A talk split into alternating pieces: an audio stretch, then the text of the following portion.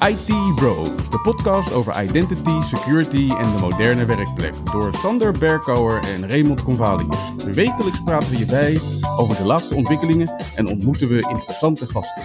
Volg onze podcast op Spotify of iTunes en stel je vragen op Twitter, ITBrosNL. Ik ben Raymond Convalius. En ik ben Sander Berkouwer. Welkom bij aflevering 5 van de IT Bros podcast. En deze week geen gasten, maar wel een hele aflevering over Microsoft Ignite. Wat vonden we ervan en welk nieuws is ons opgevallen?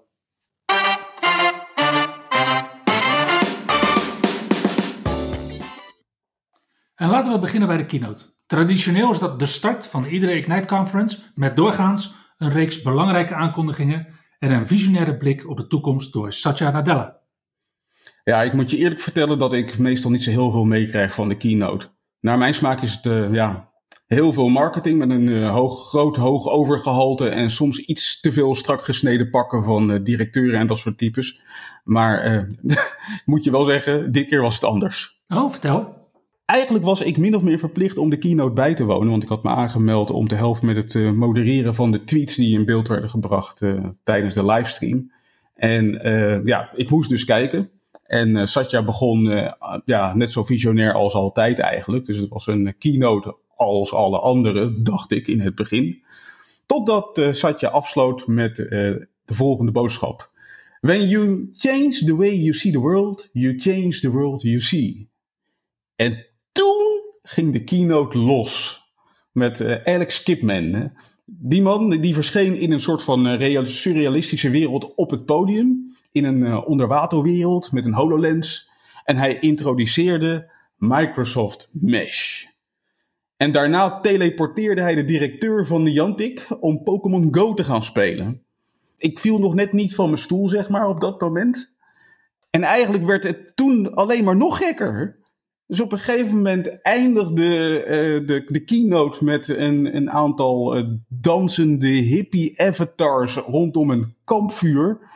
En, en ja, ja ik, ik denk dat ik met vele anderen ja, compleet flabbergasted achter ons scherm zaten met, met het idee van waar hebben we in hemelsnaam naar zitten kijken. En ja, ik denk dat dit uh, ja, by far de, de, de, de vreemdste keynote ever was. En, en misschien ook wel eentje met de minste technologie ever. Oké, okay, dus wat je zegt is dat Mesh niet nieuw is. Nou ja, Mesh, uh, als je het mij vraagt, is het bestaande technologie verpakt met een minimum aan nieuwe componenten. Want uh, wat er, er getoond werd, het was, was vooral heel veel, ja, zeg maar, science fiction-achtige dingen rondom HoloLens. En, um, en, en nog, nog grappiger is, als je dan op YouTube gaat zoeken naar Envisioning the World with Windows Mixed Reality. Dat is een, een video die is opgenomen in 2016, vijf jaar geleden. Dan zie je iets soortgelijks, ook met HoloLens maar dan met wat meer visual effects en iets minder Azure, zeg maar, technologie erachter. Maar, maar wel nog steeds eh, precies dezelfde visie met teleporterende mensen die in een virtuele wereld terechtkomen met virtuele objecten. Maar als ik je goed hoor, dan was het dus vooral heel goede marketing. Nou ja, dat is wat ik altijd zeg over Microsoft. Ze zijn heel erg goed in marketing. Ja, heel erg goed in marketing. Ja, weet je. Ik kan me nog herinneren dat een survey een koffietafel was. Uh, Vrena Eifinger, nu Vrena van Leeuwen, deed daar leuke dingen mee tijdens de Geek Night in 2011. En ja, Cortana, die kwam ik eerst tegen uh, in uh, Halo als spelkarakter. En nu zegt ze me elke ochtend in Outlook wat ik moet doen. En kun jij je Mesh ook niet herinneren? Als synchronisatieproduct, als onderdeel van die Windows Live collectie van allerlei applicatietjes en technologieën. Ja, ja, zeker. Ja, dat, dat hergebruik van productnamen het maakt het allemaal wel wat moeilijker als iemand die al wat langer meedraait. Mm, ja, we worden oud, denk ik. Dan ga je dit soort dingen herkennen. ja, het hergebruik van trademarks. ja, precies. Wat was jouw algehele indruk uh, van de conference, uh, Ray? Laat ik beginnen met de producten die de aandacht kregen. Uh, wat je ziet is dat, dat Microsoft natuurlijk Ignite gebruikt om, om die producten te promoten waarvan zij denken dat ze belangrijk zijn voor de toekomst. En voordat Ignite begon, was het in ieder geval mij al opgevallen dat er geen sessies waren over Exchange. En dan is het natuurlijk best wel ironisch dat precies aan het begin van de conferentie dat product, Exchange, opeens midden in de schijnwerper stond. Omdat er een actief gebruikte Zero Day was gevonden die met spoed moest worden gepatcht door de beheerders. Maar dat was dan ook meteen alle nieuws rondom Exchange Server. Want het was, het was een patch bedoeld voor Exchange on-prem. En ja, dat, dat is in ieder geval niet meer belangrijk voor Microsoft. Nou ja, en dan, dan ja, mijn eigen product natuurlijk, uh, Windows. Uh, altijd een punt van aandacht. En, en, en ja, de afgelopen tijd vind ik dat er weinig nieuws is te melden rondom Windows. Uh, maar deze conferentie was er zowaar wel nieuws over Windows 10. Dat kwam weliswaar niet uit het interview met Panos Panay, wat werd, werd, werd, werd, werd, werd, zeg maar, werd gehouden onder het mom van, van de conferentie. Want die wist eigenlijk alleen maar te melden dat Microsoft werkt aan de next generation of Windows. Maar wat we daarvan mogen verwachten is ja, tot nu toe in, in nevelen gehuld. Maar er was wel één belangrijke aankondiging over Windows. En dat was de toevoeging van Power Automate voor Windows als een nieuwe component. En dat is een toevoeging om, om acties in Windows te automatiseren. Ook wel bekend als Robotic Process Automation of RPA. Is, dat dan een product om toetsaanslagen mee te simuleren? Ja, zoiets. Maar dan uh, geoptimaliseerd voor het gebruik over applicaties heen en met zo min mogelijk code. Dus het past wel in de trend van, van Power Automate. Zeg maar low-code programmeren voor iedereen. Ja, dat is wel een trend inderdaad. Ja. ja, dat is wel een trend. En, en Microsoft kocht begin 2020 kochten ze een bedrijf dat heet Softomotive. En, en dat product hebben ze nu verder geoptimaliseerd en, uh, en wordt nu gratis toegevoegd aan Windows. En als je bedenkt dat dit product tot voor kort 15 dollar per persoon per maand kostte, dan, uh, ja, dan is dat wel een, een koopje. En ja, goed. Ik heb, ik heb al, al even, even snel een eerste poging gedaan om het aan de praat te krijgen.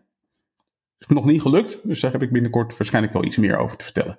Op het gebied van Windows Server werd er meer bekendgemaakt over Windows Server 2022. Daar zie je dat de security features van Windows Server gelijk worden getrokken met die van Windows 10, met zaken als uh, Secure Boot en Credential Guard.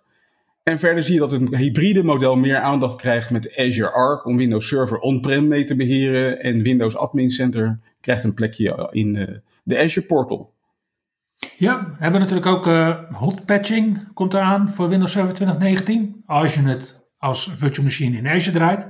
En volgens mij zag ik op het gebied van Windows Management ook nog het een en ander voorbij komen, Ray. Ja, dat klopt. Er was een, grote aankondiging rond uh, driver en firmware deployment met Microsoft Endpoint Manager. Heel cool hoe ze het in samenwerking met uh, fabrikanten een cloud-based service hebben ontwikkeld die nu naar het lijkt eindelijk goed beheer van drivers en firmware mogelijk maakt. Dat was altijd wel een puntje van, van aandacht. Deze MEM-feature, is ook wel bijzonder, komt alleen online beschikbaar en wordt geen onderdeel van de On-Premises System Center Configuration Manager.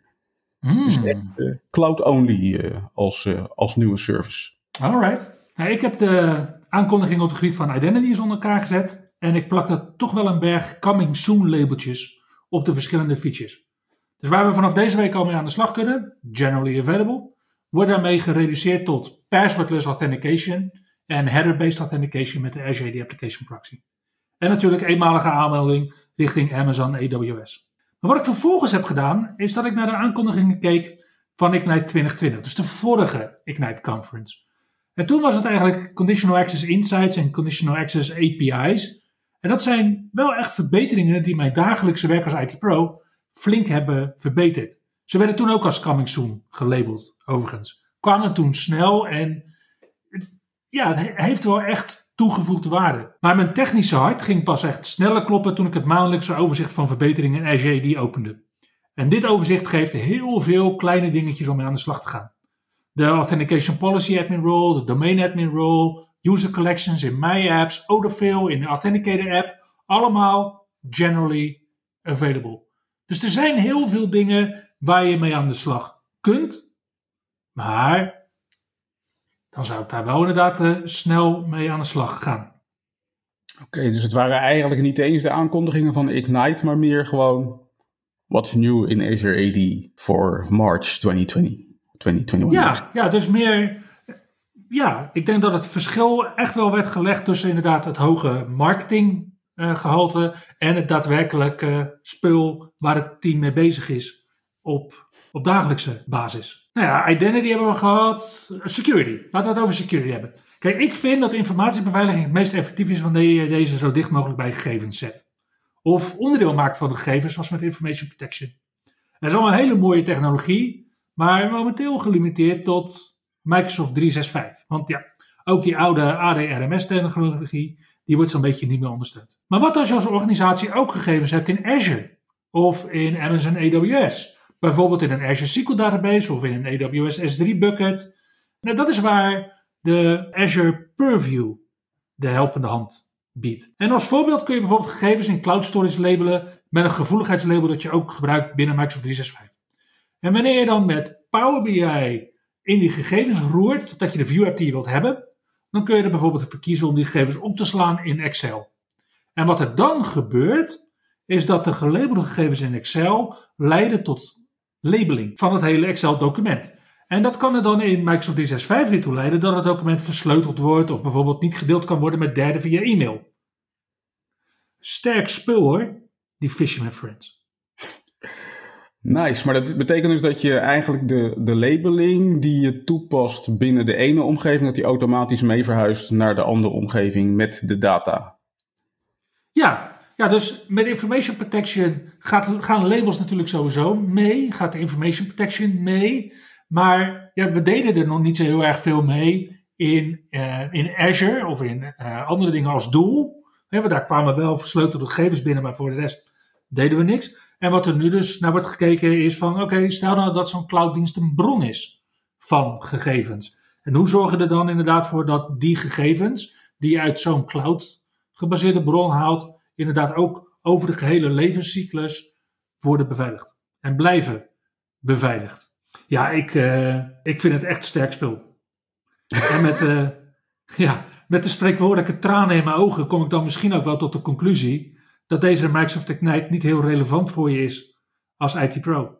Wanneer je al met je laarzen diep in de spreekwoordelijke blubber staat, als je al bezig bent met passwordless, als je al dingen doet met uh, header-based authentication, omdat je dat als bedrijf echt ontzettend hard nodig hebt. En ja, was Ignite Spring Edition dan als evenement misschien wel bedoeld om ons IT-pro's een hart onder de riem te steken? Om ons weer te inspireren in hoe tof ons vak is en kan zijn met de laatste Microsoft-technologieën. Om de ontluikende lente als momentum te hanteren om ons allemaal beter te laten voelen in deze toch wel rare tijd. Mooie woorden, Sander.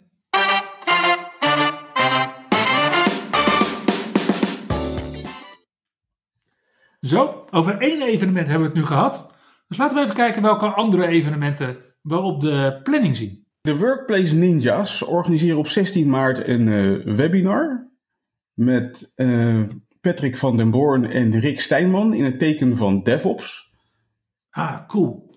Ja, en voor onze Vlaamse collega IT Pro zag ik uh, op de MC2MC kalender een nieuw evenement. Op 18 maart kun je virtueel aanschuiven voor drie sessies van elk drie kwartier. Uh, S'avonds. Gaat over Linux op Windows, Azure Private Link en de combinatie Microsoft Defender en Cloud App Security. 19 maart organiseert Microsoft uh, de, virtual, de, de Windows Virtual Desktop EMEA Masterclass. Met onder andere presentaties van onze eigen Pieter Wigleven en Paul Huibrechts. Gegarandeerd nuttig als je meer wil weten over Windows Virtual Desktop. En je kan je inschrijven op aka.ms slash wvdemea.